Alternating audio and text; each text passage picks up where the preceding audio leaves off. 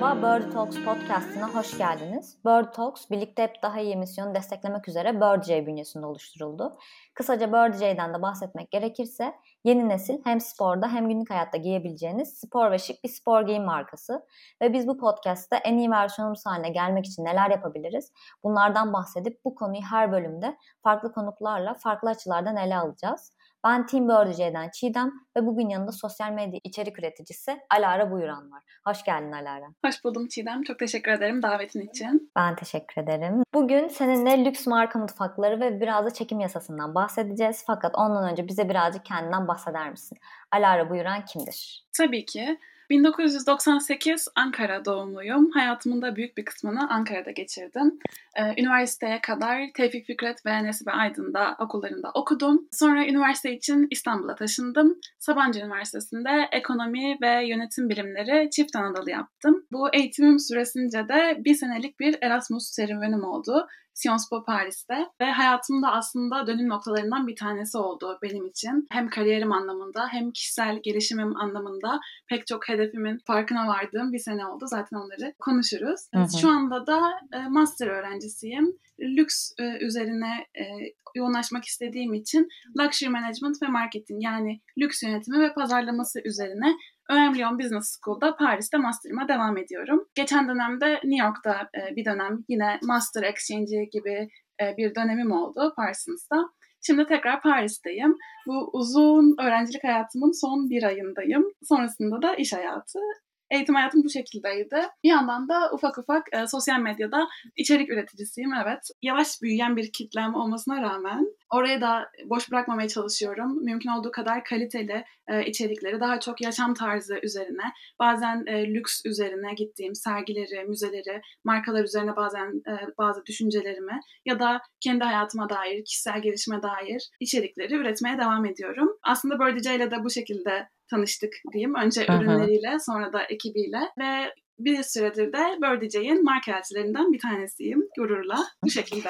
Süper yani e, ben zaten daha detaylı eğitim hayatında böyle işe geçiş sürecinde dinlemek isterim. Oraları merak ediyorum soracağım. Ama ondan önce de şeyi söylemem gerekir. Ben senin içeriklerini çok e, böyle temiz, saf bir enerjiyle buluyorum. Çok güzel buluyorum açıkçası. Çok iyi geliyor bana senin içeriklerini izlemek. O yüzden açıklamalar kısmına da zaten eklerim. İlgisini çekenler, daha detaylı bakmak isteyenler e, burada yaşadıklarına mutlaka göz atsınlar. Çok e, teşekkür e, bu ederim. içeriklerinde de aslında sıkça çekim yasasından bahsediyorsun Alara. Sence senin yolculuğunda çekim yasası sana nasıl eşlik etti? Birazcık e, o kısmı merak ediyorum. Hı hı. Şöyle söyleyeyim. Aslında ben daha çekim yasasının ne olduğunu bilmeden dahi, bu konuyla ilgili hiçbir fikrim, fikrim yokken dahi e, çekim yasası ister istemez hepimizin hayatındaydı. Yani benim hayatımdaydı. En basit örneği bunun sürekli farklı şehirlerde yaşama fırsatı bulmam ve bunun mesela sırasıyla İstanbul, e, Paris ve New York şeklinde gitmesi bile bence benim çocukken yaptığım bir çekim yasası, bilmeden de olsa yaptığım çekim yasası çalışmalarının bir sonucuydu diyebilirim. Daha açık söylemem gerekirse benim e, odamda çocuk yani doğup büyüdüğüm evin odasında iki tane tablo vardı. Bir tanesi Eyfel Kulesi'nin, diğeri de Times Meydanı'nın New York'taki. Salonumuzda da İstanbul, Ortaköy ve hep bu şehirlerde yaşarken kendimi e, hayal etmişimdir. Böyle uykuya dalarken böyle hep yetişkin Alara bu şehirlerde yaşar diye bir hayallerim olmuştur yani. Tabii o zaman vision board bu e, istediğimiz şeylerin fotoğraflarını bir tablo haline getirerek hani bakma konsepti diye bir şey yok ya da e, kimse bunları anlatmıyor. Sosyal medyada tabii o zamanlar bunlar pek konuşulmuyor. Ama o zamandan beri baktığımda gördüğüm şeyler aslında o zaman tohumları ekilen şeyler diyebilirim yaşadığım şehirlerden başlayarak. Ve e, şunu gördüm aslında özellikle bu yaptığım Erasmus dönemi süresince evet hayatım genel olarak güzel ve yolunda gitti ama çok fazla yolunda gitmeyen şeyler de oldu. Örneğin koronanın çıkması benim e, exchange'imin ikinci dönemine denk gelmişti. Ve pek çok şeyle aslında kendim mücadele etmem, e, başa çıkmam, bir şekilde esnek olmam ve planlarımı değiştirmem gereken de çok fazla süreçten geçtim. Yani zorlayıcı şeyler de yaşadım aslında bunun sonucunda birazcık daha çekim yasasını hakikaten ciddiye alıp ve daha çok üzerine yoğunlaşmaya başlamam da bu dönemin sonucunda oldu. Ve sadece hani bu bir dilek tutup onun gerçek olmasını beklemek gibi bir şey değil. İnsanın bakış açısını değiştiren ve kısıtlayıcı inançlarından aslında kurtulmasını sağlayan bir yasa olduğunu düşünüyorum çekim yasasının. Ve özellikle zor zamanlardan hani geçerken belki hayatta istediğimiz her şey yolunda gitmezken ya da düşündüğümüzden çok daha farklı bir hayatın içine kendimizi sıkışmış gibi hissederken aslında çekim yasasıyla şunu görüyorsun ki bundan bambaşka bir e, dünyada, bundan başka bambaşka bir hayatta mümkün ve bu sadece ben inanırsam ve bu bunun üzerine çalışırsam olacak. E, ve bunu gördükten sonra aslında bir noktada sadece kendim için tutmamaya başladım. Önce çevremdekilerden başlayarak sonra da daha çok sosyal medyada da bunları paylaşmaya daha çok başladım diyebilirim. Hı hı. Evet yani e, bu şeyden bahsettin ya fark etmeden de yapmak. Aslında bu çekim yasası dediğimizde hep olumlu anlıyoruz ama bence bunun tam zıttı da mümkün. O yüzden bilmeden belki hani hayatımda her şey kötü gidiyor, hiç istemediğim gibi gidiyor diyenler varsa belki de çekim yasasını bu şekilde kullananlardır. Ama e, yine söylediğin bir şey çok hoşuma gitti. Birazcık daha hayata bakış açısı gibi bakmak bu olaya. Yani hakikaten daha olumlu bir noktadan hayatı yaşadığında o zaman daha olumlu yerden daha istediğin yerden şeyler sana geliyor gibi hissediyorum ben de. Biraz daha okul hayatından da bahsedeceğimiz kısma geçmek gerekirse Luxury Brand Management okuyorum dedin diye hatırlıyorum. Yanlışsam düzelt evet. lütfen. Neden bu alanda derinleşmek istedin? Bu okurken de yaptığın Erasmus'un etkisi oldu mu? Ya da neden bu alana kaydın sonrasında? Evet kesinlikle aslında her şey yine o Erasmus süreciyle başladı. Erasmus'a gelirken dahi aslında daha gelmeden önce ben diyordum ki bir arayış içerisindeydim kesinlikle. Çünkü ekonomi ve işletme okurken pek çok okuyan insan e, beni anlayacaktır. Ne olmak istediğinizi bilmeyebiliyorsunuz. Çünkü çok fazla alana yönelebilirsiniz. Seçenekler inanılmaz fazla ve bu benim için her zaman aslında bir problemdi. Ve Erasmus'a giderken de bu arayış içerisindeydim. ve Fransa'ya gelirken de burada business anlamında, ekonomi ve işletme anlamında acaba burada neler var ben buradan ne çıkarabilirim? Buradaki bir şeyler beni acaba heyecanlandırır mı arayışıyla gelmiştim. Bu yüzden de hı hı. okulda bazen iş dünyasından insanlar gelip seminerler veriyordu. Ve bizim de exchange öğrencileri olarak bunlara katılma şansımız vardı. Bir tanesine öyle çok rastgele bir şekilde katıldım. O da lüks ve sürdürülebilirlik üzerine bir seminer. Ve orada aslında şunu gördüm. O zamana kadar belki lükse bakış daha çok böyle ışıltılı hayatlar, işte büyük logolar, büyük işte paraların döndüğü bir e, sektör gibi görünürken aslında lükse bambaşka bir bakış açısı olduğunu fark ettim. Daha yani lüksün şimdi şöyle tanıma itibariyle dayanıklı ve e, yıllara dayanan hem dizayn anlamında hem kalite anlamında e, yıllara dayanan ürünler olması, nesilden nesile kullanılabilecek kadar hem kaliteli hem de markanın da aslında imajının bu kadar uzun süre boyunca sağlam bir şekilde kalarak devam edebilmesi hani lüksün tanımı gereği içinde olan bir şeydi. Ama dönüp baktığımızda bu şekilde mi dünyada gördüğümüz etkileri ya da gerçekten lüks dünyadaki en sürdürülebilir şey mi diye baktığımızda hı. hayır. O yüzden de şunu düşündüm. Lüksle aramda benim bir aslında aşk nefret ilişkisi var. Hep böyle diyorum. Ve e, bu güzel taraflarının yaşamasını, daha çok böyle markalar olmasını ve bu ürünlerin de hayatımda olmasını istiyorum. Ama bu e, daha yıkıcı taraflarını da değiştirmek istiyorum. O zaman ben e, bu alanda bir kariyer yapmalıyım ve bu alanda biz jenerasyon olarak da eğer değişimin öncüsü bir jenerasyonsak bu çok enteresan bir konu ve ben bu alanda olabilirim mi gördüm. Onun üzerine aslında tüm master'ımı yapmaya karar verdim. Ondan sonra ve pek çok başka etkinliklere katıldım. Paris'te olmamın da buna e, çok katkısı oldu. Çünkü Paris'in dünyada artık lüksün başkenti olarak e, sayılan şehirlerden bir tanesi. Pek çok sergilerin, müzelerin, e, festivallerin yani festival dediğim mesela Vogue Fashion Festival Festival gibi insanların konuşmalar yaptığı, e, sektörden e, büyük isimlerin bir araya geldiği bir yer olduğu için de bana çok yardımcı oldu. Sonrasında da zaten geri döndüm. Aslında o sorgulama sürecinden sonra karar verişini anlıyorum senin anlattığından. Orada da hani hakikaten çok fazla seçenek varken neyi seçeceğini insan bilemiyor olabiliyor ama girdiği, dinlediği, oradan aldığı bilgilerle e, yakın hissettikten sonra bence kararını verebiliyor gibi hissediyorum ben de. Ondan dolayı bu tarz böyle bilgilendirici seminerlere katılmak ya da bir podcast dinlemek, onunla ilgili bilgi edinebileceğin herhangi bir yere ulaşmak bence çok kıymetli. Senin serüveninde de öyle olmuş olmuş gibi görünüyor. E, ama bunun daha derinine merak ediyorum. Hani e, yakın hissetmenden dolayı bunu seçmen. Hani ben bu alanda bir şeyler yapabilirim mi demen. Zannediyorum ki okurken de birçok katkısı oldu ve bizdeki algısından da bahsettin. Yani bence de çoğu insanda lüksün algısı hani kaliteli ve dayanıklıdansa hani daha böyle belki tırnak içinde gereksiz para harcamak. Hani zaten bunun daha uygun fiyatlısını mutlaka bulurum. işte böyle muadil dediğimiz şeylerini bulabilirim. Onlara ulaşmak e, çok daha cazip geliyor. Ama hani arasındaki farklar nedir? Lüks bir marka nasıl doğar? Marka değeri dediğimiz şey nasıl oluşturuluyor lüks markalar için? Bunlardan da böyle kısa bahsedersen harika olur diye düşünüyorum. Tabii ki de öyle. Şimdi aslında bu bizim derslerde de çok fazla üzerinde durduğumuz bir konu. Lüks dediğimiz şey aslında bir extraordinary yani sıra dışı, olağanüstü tarzında insanda bu hissi oluşturan e, ürünler ve hizmetler diyoruz biz en basit şekliyle. Ama durum şu ki bu olağanüstü kavramı herkes için farklı.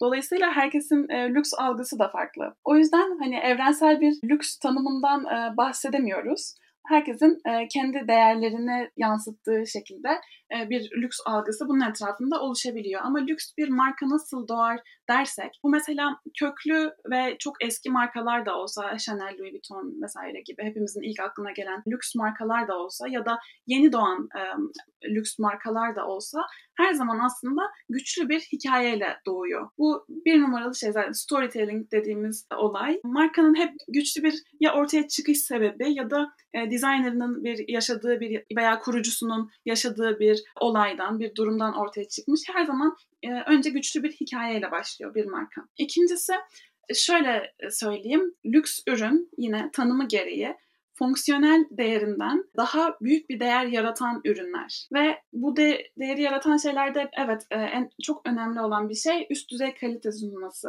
ve var olan her yerde olan ya da piyasada zaten bulunan e, bir ürünün üzerine başka bir değer de katabiliyor olması, olmayan bir şeyi ortaya koyabiliyor olması. Ama bunun da ötesinde yani bir ürünü lüks ya da bir markayı lüks yapabilmek için sadece ürün düzeyinde değil aslında verilen hizmetin kalitesinin de çok yüksek olması ve e, marka imajının, marka değerinin bütün süreçlerde tüm çalışanlar tarafından iyice e, sindirilmiş de olması gerekiyor.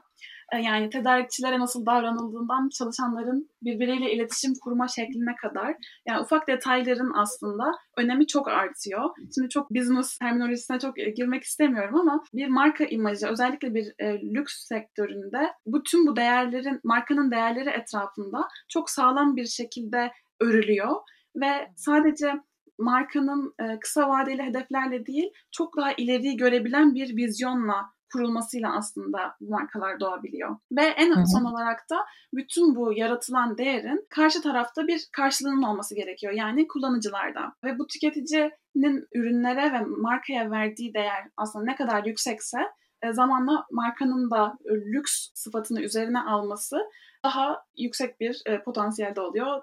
O marka gerçekten lüks e, kategorisinde olarak değerlendirilebiliyor. Hı hı, anladım. Aslında yani sadece bir ürün ya da bir hizmet almak gibi değil de onun bütününü satın almak gibi anlıyorum.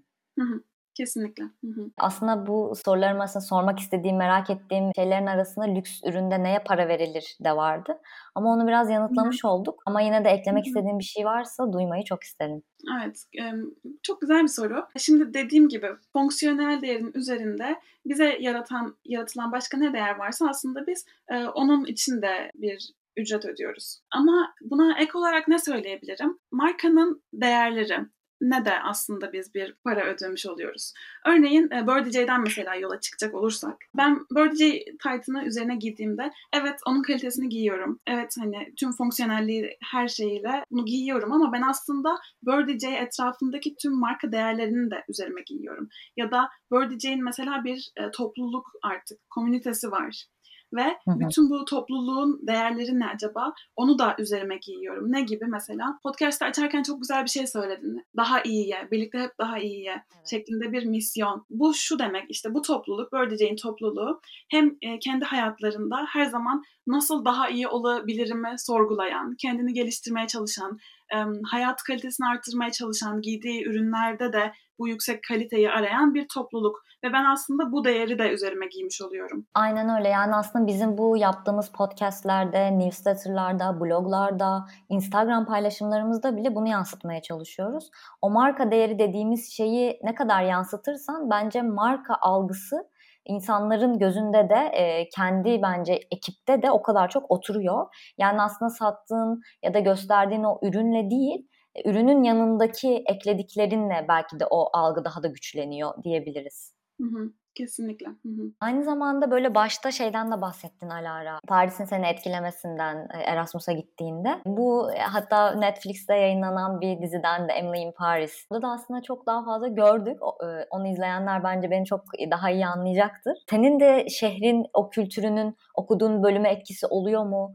Sen nasıl hissediyorsun? Evet kesinlikle şehir kültürünün büyük bir etkisi var. Zaten okuduğum bölüm neredeyse bu şehrin tarihinden çıkmış bir bölüm. E, bu şehrin insanlarından çıkmış. E, tüm yani tasarımcıların yolu bir şekilde buradan geçmiş. İşte moda haftaları hep bu şekilde. Aslında bütün olay buranın etrafında dönüyor gibi hissediyorsun. O yüzden de böyle bir bölümü okurken olayların da senin etrafında dönüyor olması fırsatların da çok açık olduğunu aslında gösteriyor ve her şeye insan kendini çok yakın hissetmesine sebep oluyor. Hani başa dönecek olursak aslında çekim yasasında dahi ben burada kendime pek çok karşıma çıkabilecek kariyer anlamında fırsatlara ya da tanışabileceğim mesela çok üst düzey bana çok yardımı dokunabilecek bir e, iş insanına, bir tasarımcıya çok yakın hissediyorum kendime ki böyle şeyler oldu bu arada. Hani bu da artık e, sadece Emily in Paris'te ol, olur dediğimiz şeyler oldu. Örneğin çok e, büyük bir moda dergisinin genel yayın yönetmeni genel yayın yönetmeniyle evimin çok yakın bir yerinde karşılaştım ve hani karşılaşmakla kalmadım. Dedim ki hani bu fırsat benim için geldi.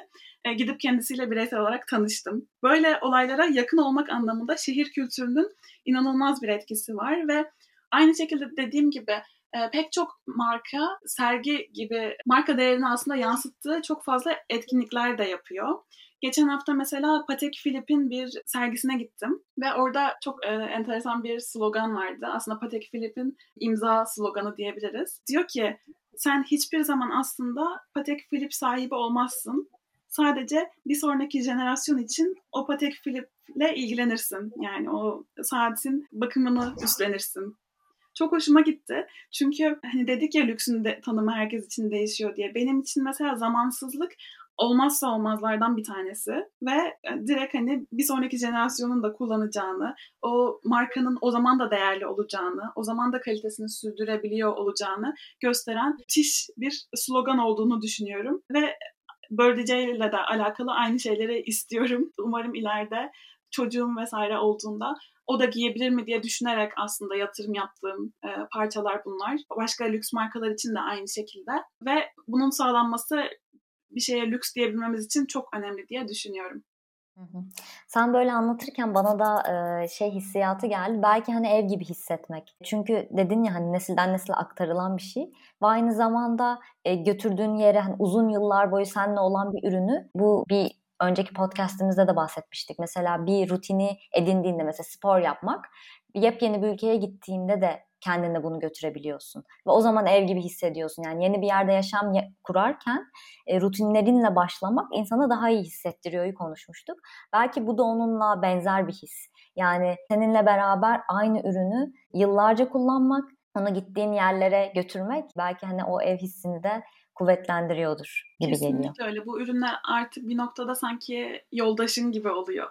Ve ürünü aldığında aslında sanki bir markayla işbirliği yapmışsın e, gibi yola çıkıyorsun. Sadece bir tüketici olsan dahi. Aynı zamanda bunun diğer bir etkisi de doğaya faydalı diyebilir miyiz? Çünkü yani de aslında bir noktada azaltan hatta uzun ömürlü hale getiren, azaltan demeyelim belki ama uzun ömürlü hale getiren bir şey olduğu için doğaya da faydalı noktasında sizin de eğitimlerinize geçiyor mu mesela bu nokta? Kesinlikle öyle. Bizim eğitimimizin en önemli aslında kısımlarından, en önemli derslerimizden bir tanesi.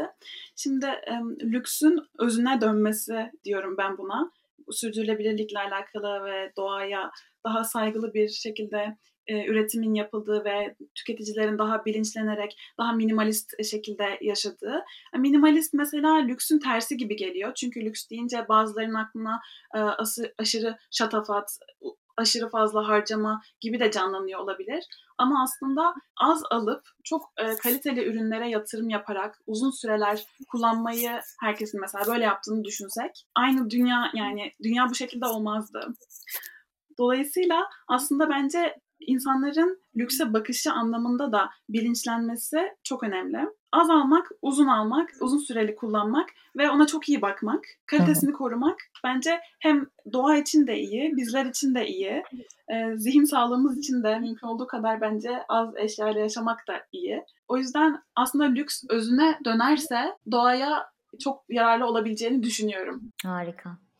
Bence çok güzel anlattın. Hem e, lüks algısının özünde ne olduğunu hem de nasıl kurulabileceğini, o algının nasıl yaratılabileceğini. Çok teşekkürler Alara. İyi ki gelip bize bunları paylaştın. Umarım dinleyenler için de ilham verici ve farklı bir açıdan da bakabildikleri bir bölüm olmuştur. Tekrar çok teşekkürler. Ben çok teşekkür ederim. Görüşmek üzere. Eğer siz de uzun ömürlü ürünleri aynı zamanda rahatlığı günlük hayatınıza dahil etmek isterseniz açıklamalar kısmına bıraktığım www.birdj.com web sitesinden ürünlerimize ulaşabilirsiniz.